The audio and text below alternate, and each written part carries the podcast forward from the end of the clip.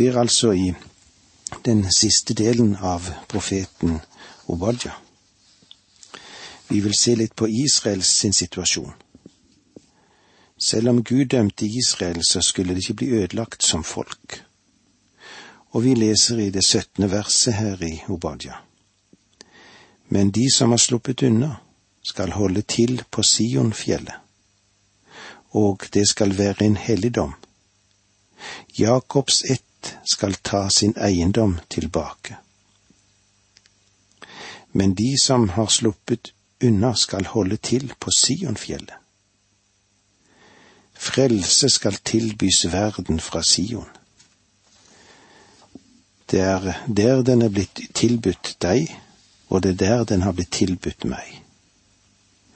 Den Herre Jesus døde på Golgata for oss alle sammen, og han kommer tilbake til jorden igjen.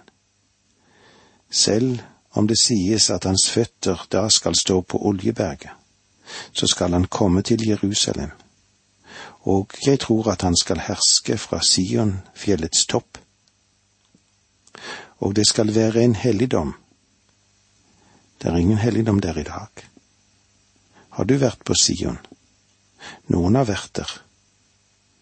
Og det finnes ingen helligdom eller hellighet der. Folket har ennå ikke søkt Herren. Men det skal være en helligdom å bli til hellighet i Jerusalem. Og det skal det i alle fall være når den Herre Jesus skal herske. Jakobs ett skal ta sin eiendom tilbake. Jeg liker dette uttrykket. Jakobs ett skal ta sin eiendom tilbake. De eier ikke sin eiendom i dag. De er i landet, det er sant nok. De er et folk, og det er også sant. De har vendt tilbake til landet, men de har ennå ikke vendt tilbake til Gud, som et resultat av at de eier ikke sin eiendom. Og det er en stor forskjell. Det er stor forskjell på å ha en eiendom og det å ta i eie sin eiendom. Esaus hus skal fortæres, vers 18. Jakobs ett skal bli en ild og Josefs ett en flamme. Men Esaus ett skal bli til halm, som settes i brann og fortæres. Av Esaus ett blir ingen tilbake. Herren har talt. Det vil bli den siste og den endelige dom over Esau. Jeg tror at Esaus ett er et kongerike som ikke vil være en del av de evige kongeriket på denne jorden, det som skal være kongeriket for vår Herre og Frelser Jesus Kristus. Hva er det som holder dem borte for å være en del av det? Hovmod i hjertet, den holdningen livet som åpent proklamerer sin evne til å leve uten Gud. Om du har besluttet deg til å leve uten Gud, så vil du ikke bare leve uten Han nå, men også i evigheten. Alle ting skal oppslukes. Vers 19. De som bor i Negev, skal innta Esaus fjell, og de som bor på Sjefela, skal ta filisterland. De skal erobre Efraimbygdene og Samaria-bygden, og Benjamin skal ta Gilead. Den sydlige del av Juda skal utvides og ta i eie Esaus fjell. De som er i vest skal også få lagt under seg kystlandet Filistia. Efraim-bygdene og Samaria-bygdene, det er Nordriket. Det skal stå opp igjen som en nasjon og Benjamin skal også inkludere Gilead, som er østsiden av Jordanelven. I vers 20 leser vi slik. De bortførte av israelittenes hær skal innta kanonenes land helt til Sarepta, og de landflyktige fra Jerusalem som er i Sefarad, skal innta byen i Negev. Sarepta ligger langt mot nord mellom Tyrus og Sidon i Libanon. Negev ligger langt mot syd. Faktisk tilhører den Sinai-fjellkjeden. Israel skal okkupere alt det landet Gud lovet dem. Han hadde lovet Abraham store landområder, og de skal de få igjen. Selv da Israel var på det største, utgjorde landet bare en brøkdel av det, men de skal få det igjen. Vers 21 De som er reddet, skal stige opp på Sionfjellet og holde dom over Esaus fjelland, og riket skal høre Herren til. Riket skal høre Herren til. Gud beveger seg ubønnhørlig fremover uten å nøle mot målet for sine hensikter. Det vil si, han vil plassere en konge på Sion.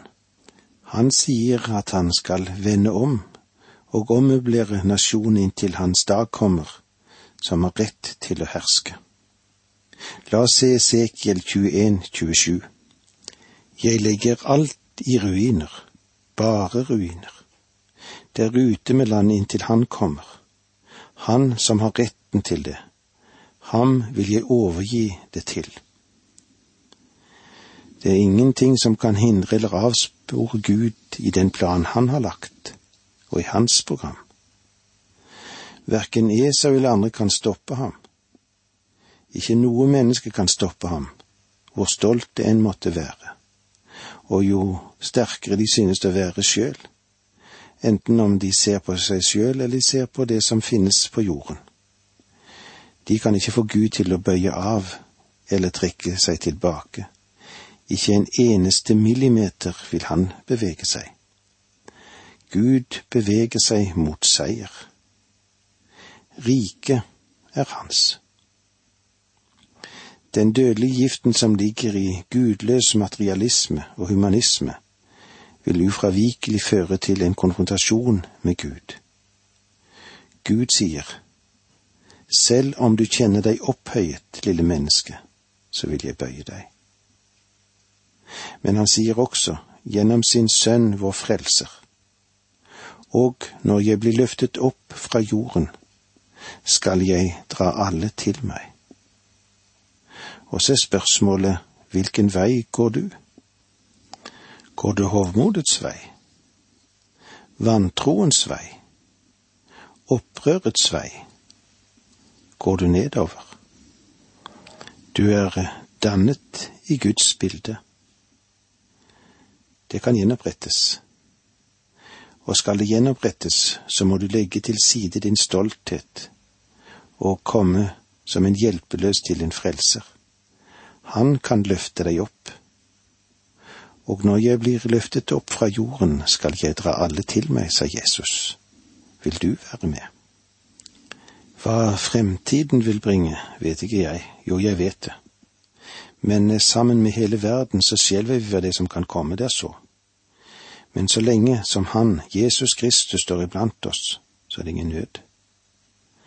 Da taler han fremdeles evangeliet til å redde sjeler et ord som skaper hva det nevner.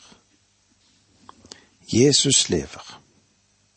Han står midt iblant oss i dag og sier, og det er så godt, fred være med dere.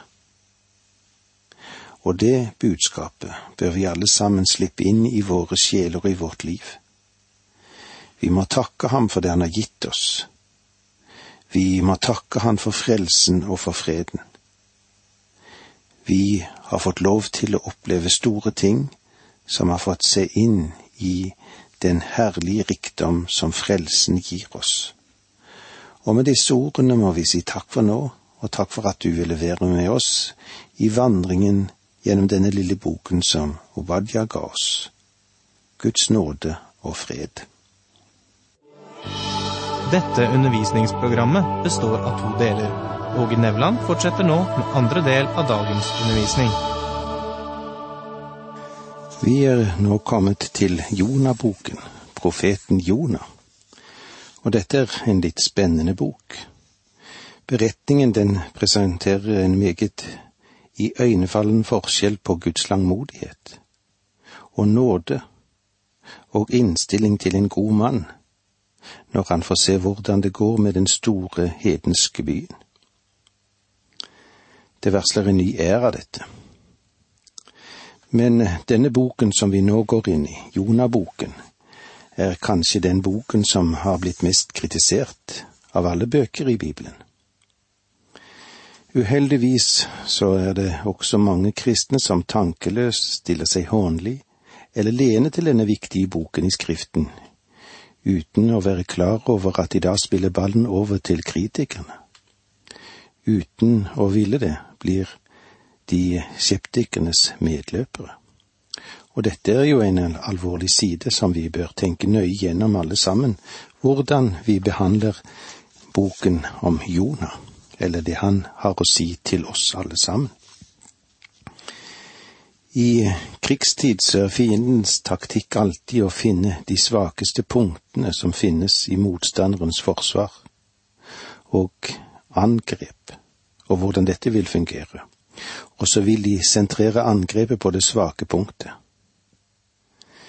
Legger vi dette kriteriet til grunn, er det mange kritikere som er kommet til den konklusjon at Jonaboken er en sårbar del av den guddommelige skriftsamling som vi har. Og her må vi være på vakt. Denne boken er det punkt der fienden har satt inn sin, sitt tyngste artilleri.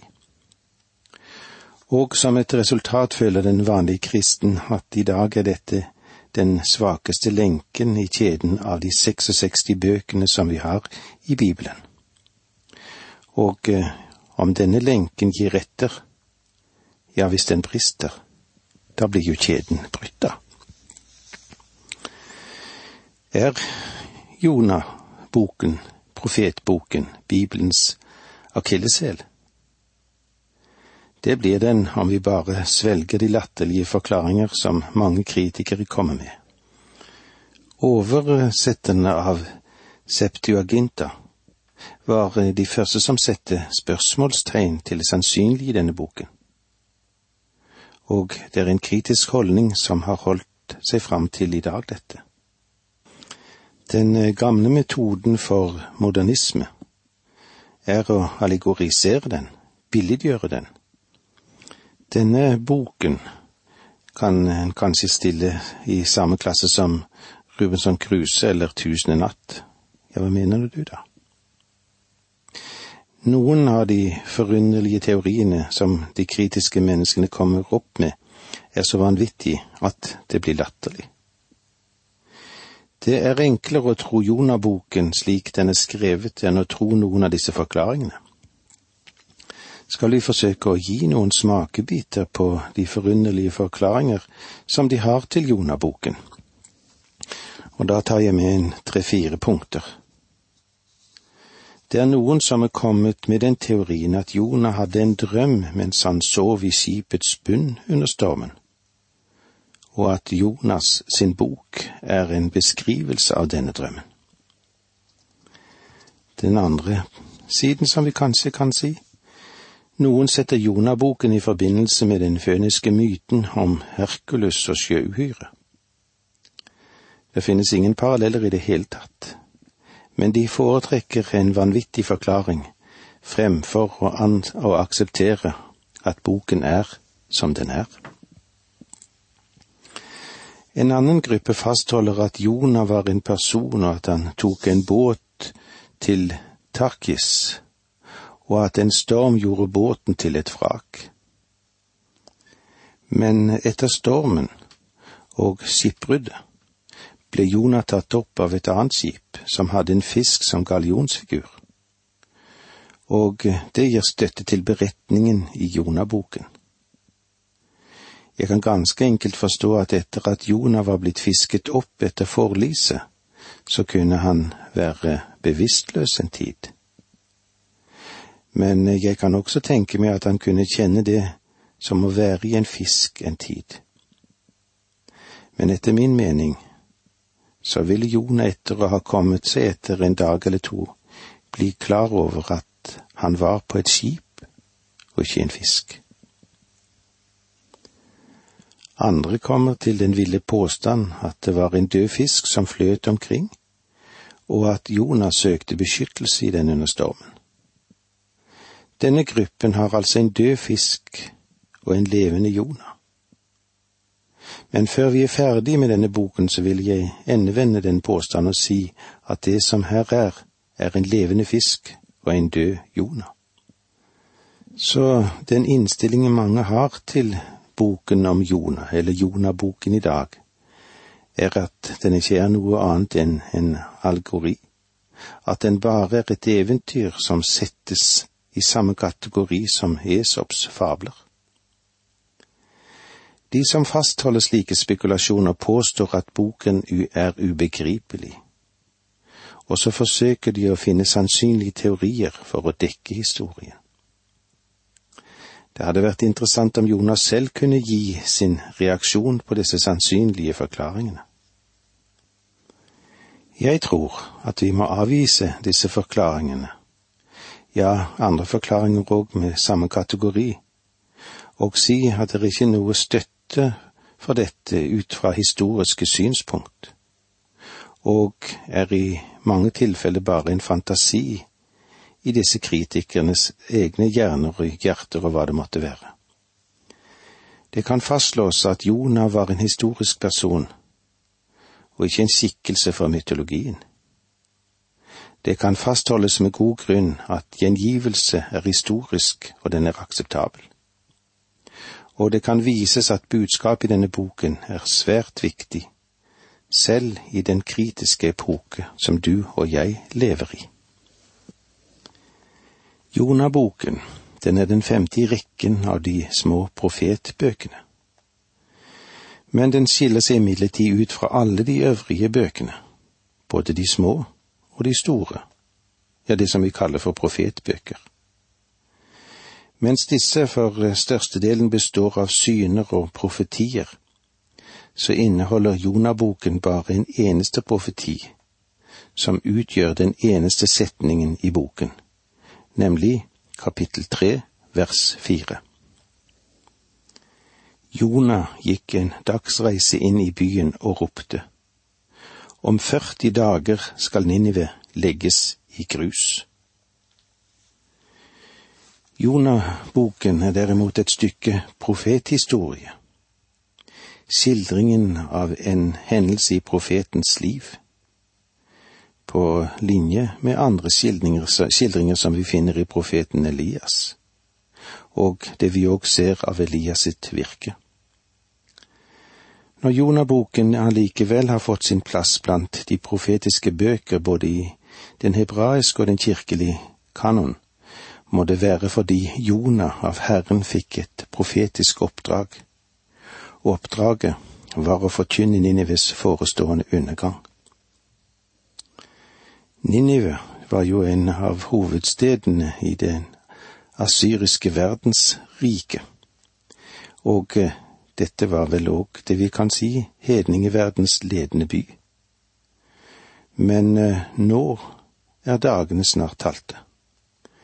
Innbyggerne der, de eh, hadde store synder, himmelropende synd, og de hadde fått sin dom og det var denne dommen som Jonah var kalt til å forkynne. Og vi leser de to første versene i kapittel én.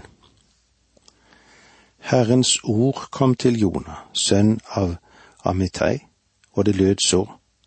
Stå opp, gå til storbyen Ninive og rop ut over den at jeg har sett ondskapen der. Og hvordan reagerte nå Jonah på dette? Det passet ikke for profeten. Han eh, bestemte seg å flykte til Tarsis. Han ønsket å komme bort fra Herrens åsyn. Profetens egen begrunnelse for sitt fluktforsøk er denne. For eh, jeg visste at du er en nådig og barmhjertig Gud, langmodig og rik på miskunn, og eh, angrer det onde. Disse ordene som jeg siterte nettopp nå, at Gud er langmodig og barmhjertig. Det er de virkelige budskap som boken har å gi oss. Profeten, hva med han? Jo, han forsøkte å unndra seg kallet fordi han regnet med at dommen over Ninive ikke ville bli fullbyrdet. Han måtte jo også være klar over at når Herren ville advare Ninives befolkning mot en dom som skulle komme, var det jo nettopp fordi han ønsket deres omvendelse, slik at dommen kunne anvendes. Det er noen fortolkere som sier at profetens flukt er et uttrykk for den patriotisme som levde i Jonas sitt liv. Asyrene, de var jo kjent for sin grusomhet. De fikk nå drive sitt politiske spill videre. Så ville nok turen en dag komme til Israel. Disse tingene vil vi komme inn på litt senere når vi går videre inn i Jonaboken. Men det var så langt vi kom i dag. Takk for nå, må Gud være med deg.